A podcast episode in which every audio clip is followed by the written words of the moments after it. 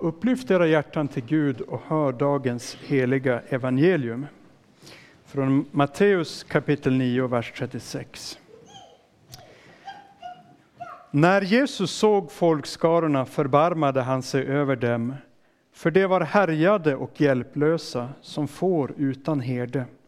Och han sa till sina lärjungar, skörden är stor, men arbetarna är få. Be därför skördens Herre att han skickar ut arbetare till sin skörd. Så lyder det heliga evangeliet. Lovad vare du, Kristus. Vi ska börja med en minnesvers. Så vi läser tillsammans den här, de här orden som Jesus sa. Vi kan läsa det två gånger tillsammans allihopa. Jag är den gode herden. Den gode herden ger sitt liv för fåren. Jag är den gode herden. Den gode herden ger sitt liv för fåren. Så läser vi den ytterligare två gånger. Jag är den gode herden. Den gode herden ger sitt liv för fåren. Jag är den gode herden. Den gode herden ger sitt liv för fåren. I Mellanöstern i, på gamla tider, i gamla tider så kallades kungarna sig vanligtvis för herdar. Assyriska kungar och andra kungar kallade sig för landets herde. Och det beror på att det är herden som leder de övriga. Här ser ni en bild på en farao, Tutankhamon, hans eh, eh kista. Och så ser ni, lägg märke till vad han håller i ena handen. Det är faktiskt en, en herdestav, en symbol för att kungen var liksom landets herde, den som ledde landet, ledde folket. Ledare kallades för herde.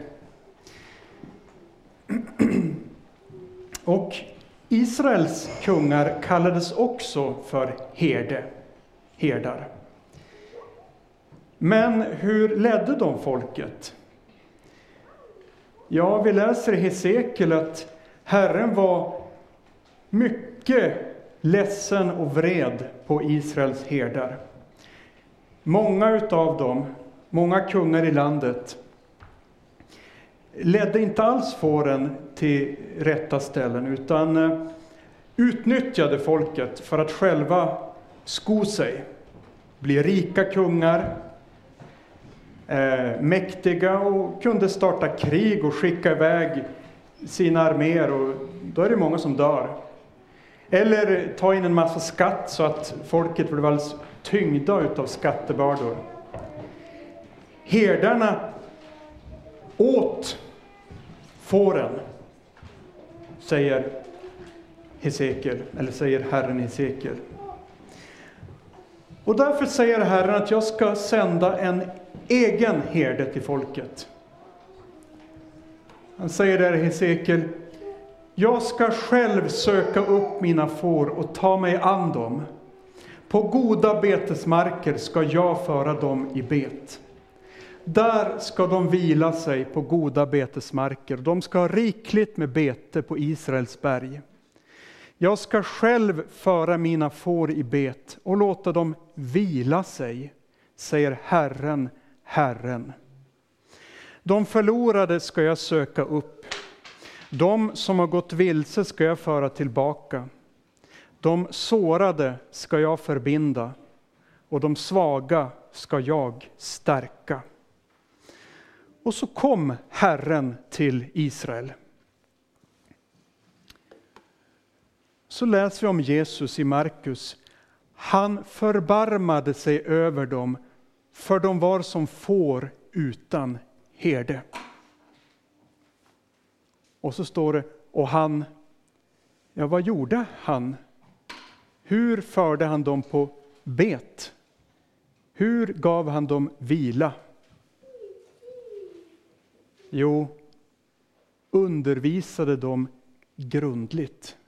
Han undervisade dem grundligt. Det är så Herren Jesus för fåren på bete. och ger dem vila. Grundlig, ordentlig eh, undervisning i ordet. Det står så här på ett ställe, Jesus säger köttet är till ingen nytta. Och vad menas i Bibeln med köttet? Det har ingenting att göra med vad vi äter. Ingenting. Men vad är vi människor gjorda av för någonting?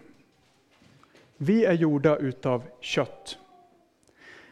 Och så säger Bibeln faktiskt att när det gäller, alltså vi människor, vi, eller Bibeln säger inte, men vi människor vi kan vara väldigt kloka, lära oss mycket och eh, göra stora tekniska och medicinska framsteg. Och vi är fascinerande, jätteduktiga varelser. Det finns inga så duktiga varelser i hela universum som vi människor. Men när det kommer till det andliga, då är det så att ingenting hos oss är till någon nytta överhuvudtaget. Inte våra tankar, funderingar, försök, strävanden, fråga andra. Ingenting till någon nytta överhuvudtaget. Det är precis noll. Lika meningslöst som att be en, en, en mask flyga till månen. Det går inte. Helt omöjligt. Köttet är till ingen nytta överhuvudtaget. Men Jesus säger, de ord som jag har talat till er är ande och är liv. Så Jesu ord, de är starka och de förmår att ge oss evigt liv.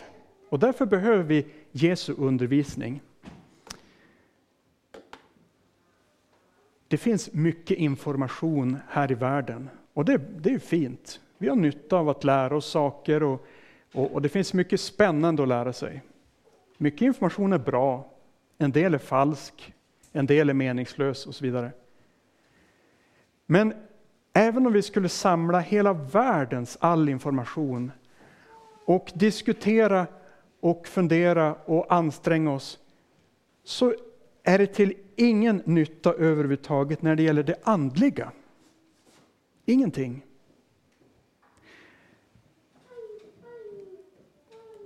Men de ord som jag har talat till er är ande och liv. När det gäller det andliga så är det bara ordet. Det är det enda som har något liv att ge. Ingenting annat.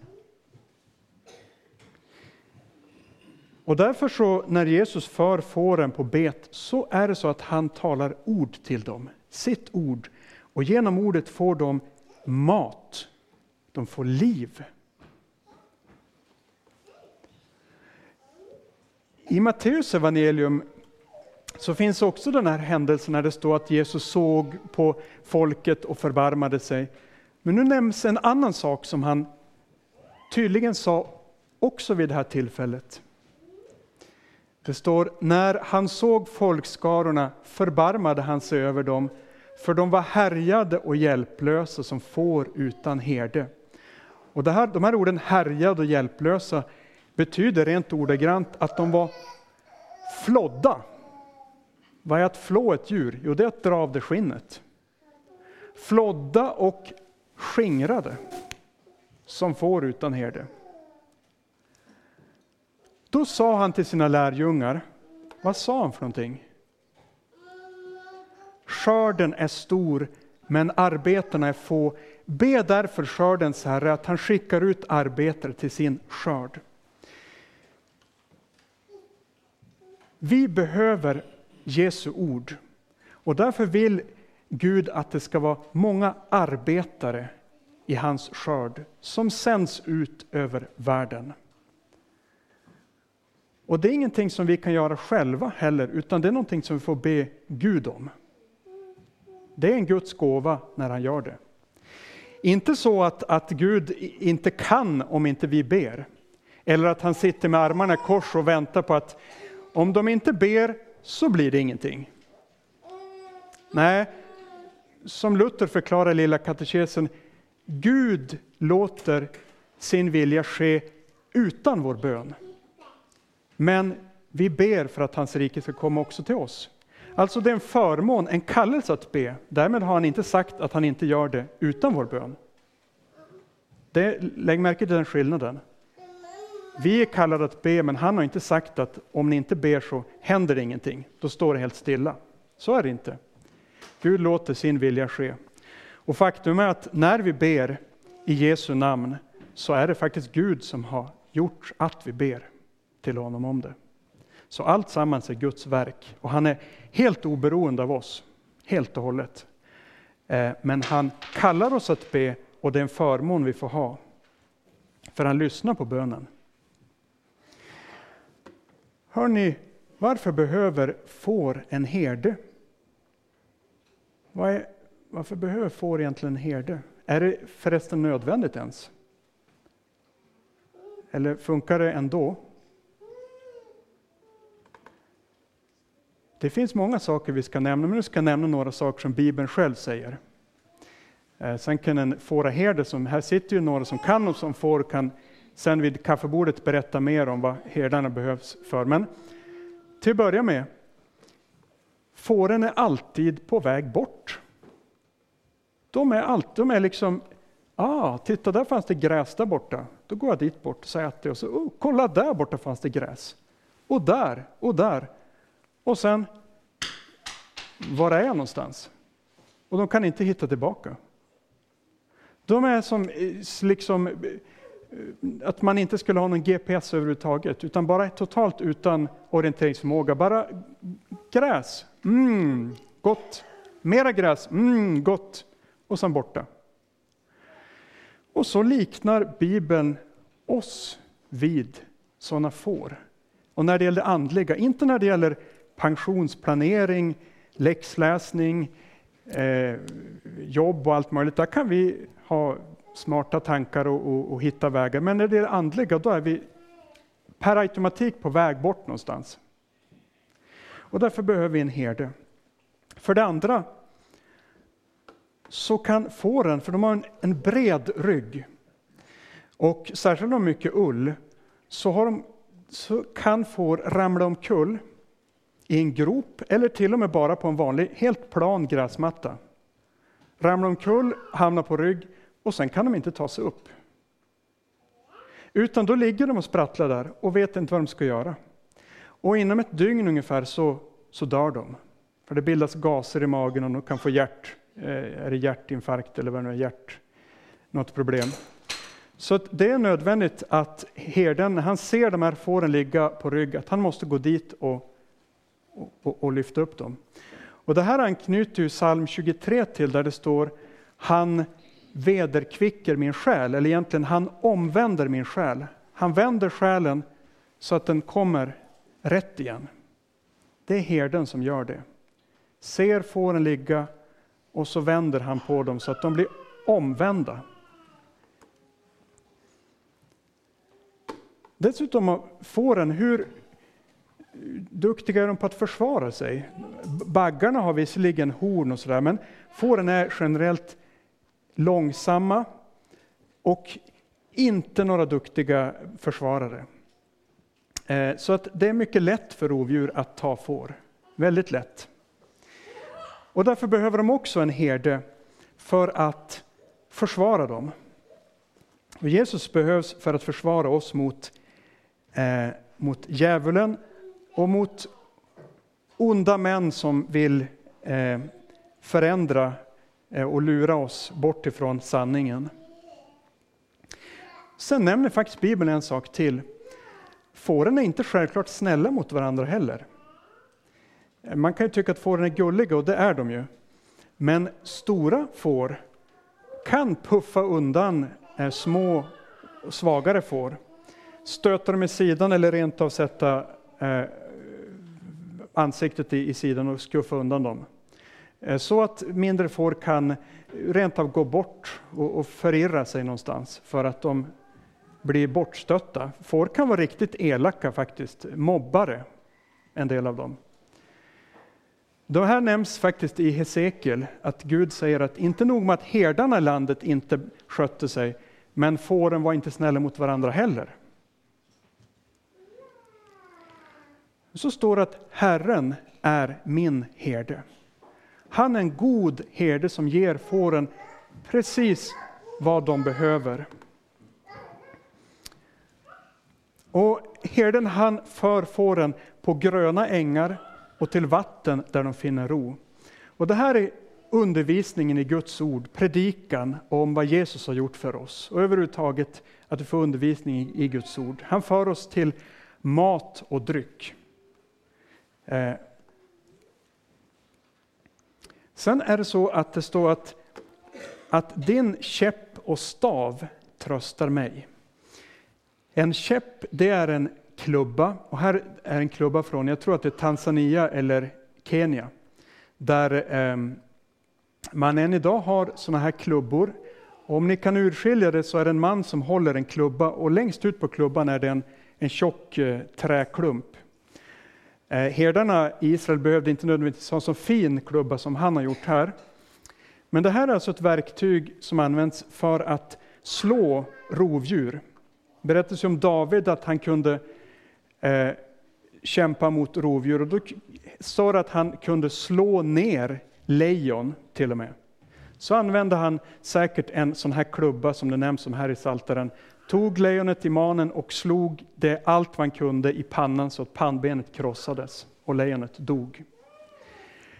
Ehm, den här mannen håller på, de har en tävling här så därför ser det lite konstigt ut. Han håller på att kasta mot ett, ett mål. För att herdar kan också kasta om de är duktiga klubbor på djur på avstånd. Så fåren känner, kan känna en trygghet när de ser herden och han har sina redskap och kan driva bort vargarna och andra rovdjur. Sen har herden sin stav och den här staven är ofta lång och den kan han använda för att puffa på fåren. Och fåren är ganska känsliga så att om man puffar dem i sidan och, och trycker så mer än andra djur så flyttar de på sig faktiskt. Som herden ser att, att de ska gå en viss väg och ett får börjar gå bort så kan han ta staven och trycka på den. Eller sätta ner staven i marken och liksom bända fåret lite åt sidan så här. Ehm, så staven, med det leder han fåren och hjälper dem så de kommer rätt. Och det är till tröst för oss att Jesus både motar bort och, och, och driver bort vilddjuren och leder oss på rätta vägar. Nu läser vi minnesversen igen. Jag är den gode herden. Den gode herden ger sitt liv för fåren. Jag är den gode herden. Den gode herden ger sitt liv för fåren. Vi är inte färdiga riktigt än. Jesus berättar att herdar som inte äger fåren, de kan eh, sticka iväg när eh, vargen kommer. För de vill inte själva dö. Eh, så kommer en varg, som ni ser längst nere, så springer herden bort. Men Jesus säger att han är inte en sån herde. Och här ser ni en, en sån här käpp med en klump längst framme som han nu går emot den här vargen med. Eh, Jesus säger till och med att, att han ger sitt liv för fåren. Så, så liksom man kan tänka sig att det kommer en varg och istället för att herden ska tänka det är bättre att jag överlever än att fåren, så går han emot vargen. Och även om det skulle vara så att herden själv dör, så gör han hellre det än att låta fåren drabbas. Så bara han gör, får slut på rovdjuret, hur den sen skulle, om man ens lyckas överleva själv. Vi läser den igen två gånger. Jag är den gode herden. Den gode herden ger sitt liv för fåren. Jag är den gode herden. Den gode herden ger sitt liv för fåren. Och det var ju precis vad Jesus gjorde. Han gav sitt liv för oss, för dig, så att du ska ha alla dina synder förlåtna för Jesus skull. Det har du fått av honom. Och så får du vara, ett, vara trygg hos honom. Lita på att han tar hand om dig och leder dig till sitt eviga rike. Jesus har dött för alla våra synder och uppstått för vår rättfärdiggörelses skull. Det finns en bra, fåren har några bra egenskaper och en är särskilt som nämns i Bibeln. Vad är det som fåren är bra på? Jesu får. jag är ganska säker på att ni vet det, de har en förmåga att lära känna herdens röst.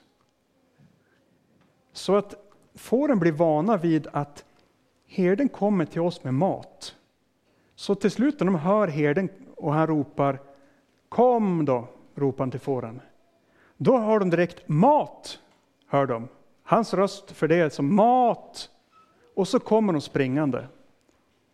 Men om det kommer en annan person och ropar Kom då! Vad gör fåren? De hör det också, men de kommer inte. För de känner inte igen herdens röst. Jag har själv prövat det på får. Jag försökte härma en herde. Han ropade och de kom och så försökte jag låta som han med ungefär samma dialekt, eller sättet att ropa. Liksom. Försökte låta så, så lika som möjligt. Och det var bara några får som tittade lite grann på mig så här och sen fortsatte de, stod kvar där de var. De kände inte igen herdens röst. Och det är typiskt för, för Jesu får. Att när de får höra ett budskap predikas där det inte är evangelium, det är inte ett klart evangelium, utan det blandas ihop lag och evangelium. Vi ska göra det här och då får du Guds nåd och, och så vidare. Då hör de, det här är inte här är någonting som är konstigt. Det här känner vi inte igen. Um, så får en lyssna väldigt noga och hör efter när de hör predikanten. Är det här herdens röst eller inte? Och är det herdens röst, då blir fåren glada. Men hör de något annat, då blir fåren inte glada och vill inte lyssna. Ehm, så det är en väldigt god egenskap för fåren. Och, och ehm, Jesus säger ofta, om någon har öron så hör. Och det är viktigt att vi har fått fåröron, så vi lyssnar noga på, är det ett klart evangelium som, som vi får höra, eller är det någon blandning mellan lag och evangelium och lite hit och dit? Och kommer in saker som, det här är helt mot Guds ord och så vidare. Då får fåren, eh, ska inte fåren lyssna. Jesus säger, mina får lyssna till min röst och jag känner dem och de följer mig jag ger dem evigt liv. De som följer Jesus, de lyssnar på hans röst och han känner dem och de följer honom och han ger dem evigt liv. Och de ska aldrig, absolut inte gå förlorade. Men Jesus är inte kvar på jorden. Hur ska vi då höra hans röst? Ja, Jesus han förberedde sina lärjungar för att han skulle lämna jorden. Och därför undervisade han lärjungarna, eller apostlarna, grundligt så att de sen skulle kunna predika samma sak som han hade lärt dem. Att de skulle framföra hans ord till fåren. Och sen när apostlarna innan de dog, när de planterade församlingar, så insatte de överallt det som i folkbibeln kallas för äldste, präster egentligen i grundspråket. I varje församling skulle det finnas som skulle vara herdar och fortsätta att predika herdens ord. Så fåren är inte så att de bara sitter och, och liksom får en röst någonstans uppifrån rymden, att Jesus någonstans långt uppe i rymden liksom skickar signaler in i huvudet, utan han använder fortfarande sina herdar för att ge fåren mat. När aposteln Paulus Eh, skulle säga adjö till, eh, till prästerna i området kring Efesus så kallade han på dem. Och då säger han så här till, till dem. Han säger, ge akt på er själva och hela den jord som den helige Ande har satt er som ledare för. Och egentligen betyder ordet tillsyningsmän, sådana som ska hålla utkik, kolla, ungefär kommer någon varg? Är det någonting som är, hur går det för fåren? Tillsyningsmän som ska se hur det, så att allting går bra. Till att vara herdar för Guds församling som han har köpt med sitt eget blod. Här ser vi att de ska vara herdar, men inte för sin egen församling utan till Guds församling. För här på jorden finns det ingen herde som har någon egen jord. utan det är bara frågan om Guds jord och Guds församling. Som han sätter herdar att ta hand om.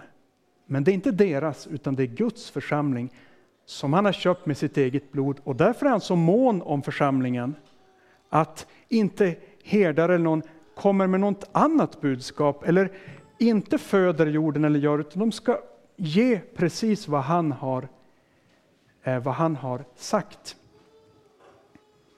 Och lägg märke till att det är den helige Ande som satt dem till ledare. Det är inte bara en mänsklig ordning så att man kan ha det eller inte ha det, utan detta är Guds ordning.